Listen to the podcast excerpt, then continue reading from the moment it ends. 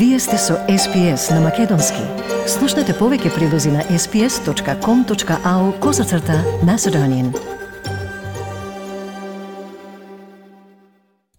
На SPS на Македонски, јас сум Ана Коталеска. Младите лица со попреченост се меѓу најобесправените кога станува збор за вработување. Од политичките партии кои се борат за гласови, се бара да се заложат за подобрување на системот за вработување за овие лица. Подетално во прилогот на Филипа Карисбрук и Гарет Борхам за SPS News.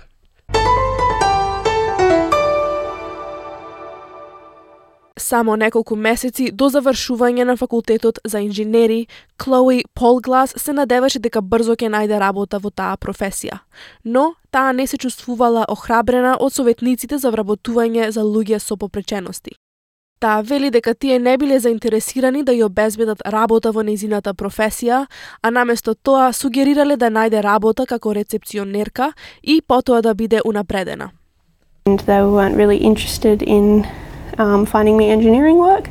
They told me that that was a dream that I could work towards, but I had to be more realistic. Um, and then try to suggest very inappropriate career pathways, such as start as a receptionist at an engineering firm and work my way up to engineer. 23 годишната има аутизам и таа вели дека вработените во службата не ја разбирале незината попреченост. Тие верувале во стереотипите за луѓе со аутизам и не знаеле како да ги објаснат документите што морал да ги подпише, затоа што немале искуство.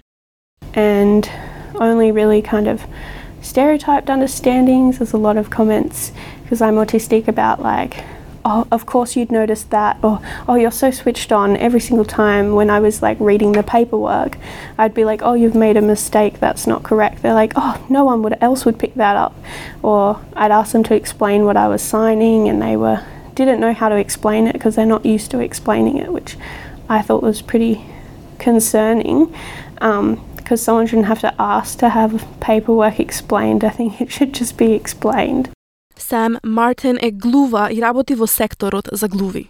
Зборувајќи преку преведувач на јазикот за глувонеми Ослен, таа вели дека се соочила со значителни пречки кога се обидувала да се вработи во други компании кои немаат преведувач.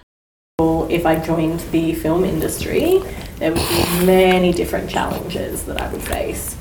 For example, with film, you know, it's really fast paced, there's a lot of speech, as so as a deaf person, being involved in those discussions would be impossible. Everything would go over my head. Even bringing an interpreter in, I mean, they would never do that. So I think it would be really hard to be involved in that workplace. Организацијата за деца и млади австралици го опишува сегашниот систем за вработување како нарушен. Главната извршна директорка Мери Сейерс сака политичките партии да развијат национална стратегија за поддршка на младите со попреченост да се вработат. Таа вели дека со недостигот на работна сила сега е најдоброто време да се подобрат условите за вработување и да се потикнат работодавците да вработат млади луѓе со попречености. So that would include streamlining employment services. It would include working with employers to make sure that they can uh, employ young people with disability and there's incentive for them to employ young people with disability. There's never been a better time. We know the labour market is tight and at the moment employers are missing out on the really unique skills that young people with disability bring. Организацијата исто така ја повикува идната влада да инвестира во истражувања за да пронајде начини за подобрување на тековниот систем за вработување на млади лица со попреченост. Тие бараат од наредната влада и да донесе реформи на пензијата која ја примаат инвалидите за да се обезбеди еднаков пристап и да понуди поголема поддршка за младите со попреченост да постигнат повисоко образование. Портпаролот на кампањата на коалицијата вели дека владата на Морисон е посветена да ги подобри програмите за вработување на младите луѓе со попреченост, осигурувајќи дека тие ќе имаат долги кариери и повеќе можности за работа. Лабористите ветија дека ќе го поправат националниот план за осигурување на луѓе со попречености, со што вработувањето ќе е една од главните цели за младите луѓе кои се дел од програмата.